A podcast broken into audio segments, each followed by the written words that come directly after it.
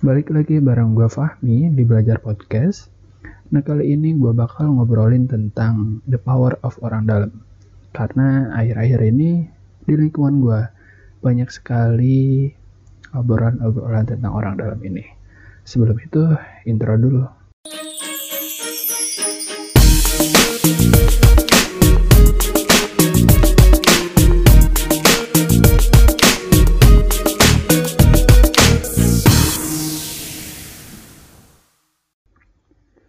Podcast ini gue dedikasikan untuk lo yang sedang berjuang, sedang berusaha, sedang memaksimalkan karir lo, nyari pekerjaan ke sana sini, udah tebar CV ke sana sini, dan nggak pernah dapat, nggak pernah lolos screening pun nggak lolos gitu kan CV-nya. Tapi lo ngerasa udah, udah melakukan semuanya, udah udah buat CV out of the box, terus udah buat portofolio dan lain sebagainya tetap semangat, tetap berusaha.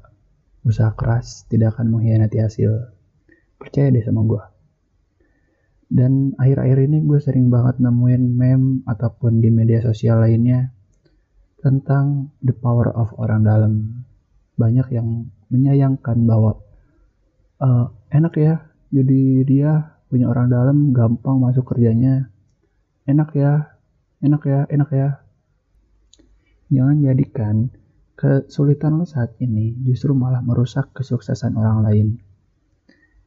Jangan berpikir negatif ke orang lain. Pikirin deh, mungkin aja dia itu track recordnya emang bagus gitu Dan orang dalam juga nggak bakal sembarangan milih, nggak bakal sembarangan merekomendasikan orang untuk bekerja di perusahaan yang dia saat ini gitu. Pasti kan dia juga mikir, oh dia bagus nih kerjanya, dia track recordnya bagus dan sebagainya. Jadi orang dalam itu merekomendasikan dia untuk bekerja di tempatnya saat itu gitu. Ya mungkin lo ngelihatnya mudah gitu kan. Tapi lo nggak tahu di balik uh, latar belakangnya dia itu kayak gimana. Lo juga bakal punya orang dalam sendiri cuy. Lo bakal punya lo bakal punya orang dalam ketika lo melakukan sesuatunya dengan baik. Misal, ketika lo kerja bareng sama gue dan gue kerjanya malas-malasan gue kerjanya nggak maksimal nggak profesional malah tidur tiduran dan deadline pun molor gitu kan. Lu ngeliat gue saat ini lu pasti kan feel gitu netting negative thinking sama gue dan ketika project berikutnya project yang baru lu gak mungkin merekomendasikan gue untuk ikut kerja bareng lo lagi gitu kan. Karena value gue udah turun. Track record gue udah jelek.